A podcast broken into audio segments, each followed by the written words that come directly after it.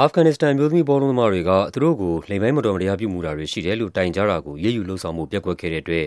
အာဖဂန်ဘောလုံးအဖွဲ့ချုပ် (AFF) က အကြီးတန်း တာဝန်ရှိသူဟောင်းတဦးကို ကမ္ဘာ့ဘောလုံးအဖွဲ့ချုပ် FIFA ကငါးနှစ် ပိတ်ပင်ကန့်သတ်လိုက်တဲ့အပေါ် အမေရိကန်က ကြိုဆိုလိုက်ပါတယ်။လိင်ပိုင်း မတော်မတရား ပြုမူခံခဲ့ရသူတွေအနေနဲ့ တရားမျှတမှု ရသင့်ပါတယ်၊စွပ်စွဲခံရတဲ့ တာဝန်ရှိသူတွေကို အာဖဂန်အာဏာပိုင်တွေက အရေးယူရပါမယ်လို့ တောင်နဲ့ ဗဟိုအာရှရေးရာ အမေရိကန် ယာယီ လက်ထောက်နိုင်ငံခြားရေးဝန်ကြီး Alice Wells က Twitter မှာ စနေနေ့က ရေးပါတယ်။ အာဖဂန် အမျိုးသမီးဘောလုံးသမား အတော်များများက တိုင်ကြားထားတဲ့အပေါ် စုံစမ်းစစ်ဆေးနေတာကနေ